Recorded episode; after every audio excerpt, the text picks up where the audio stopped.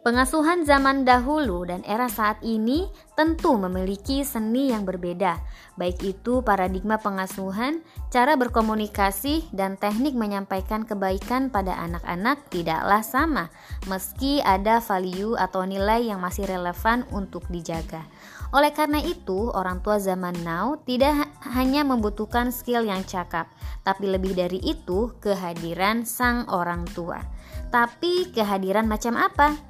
Seperti apa sejatinya cara membersamai mereka?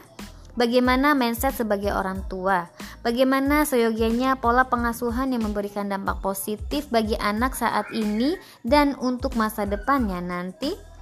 Semua akan dibahas dengan penuh hikmah, dilengkapi sentuhan kisah menggugah dalam buku Golden Parenting, sebuah buku yang dari halaman awal mengajak untuk bercermin ke dalam diri tentang hakikat pendidikan dalam keluarga, yaitu pengasuhan keemasan.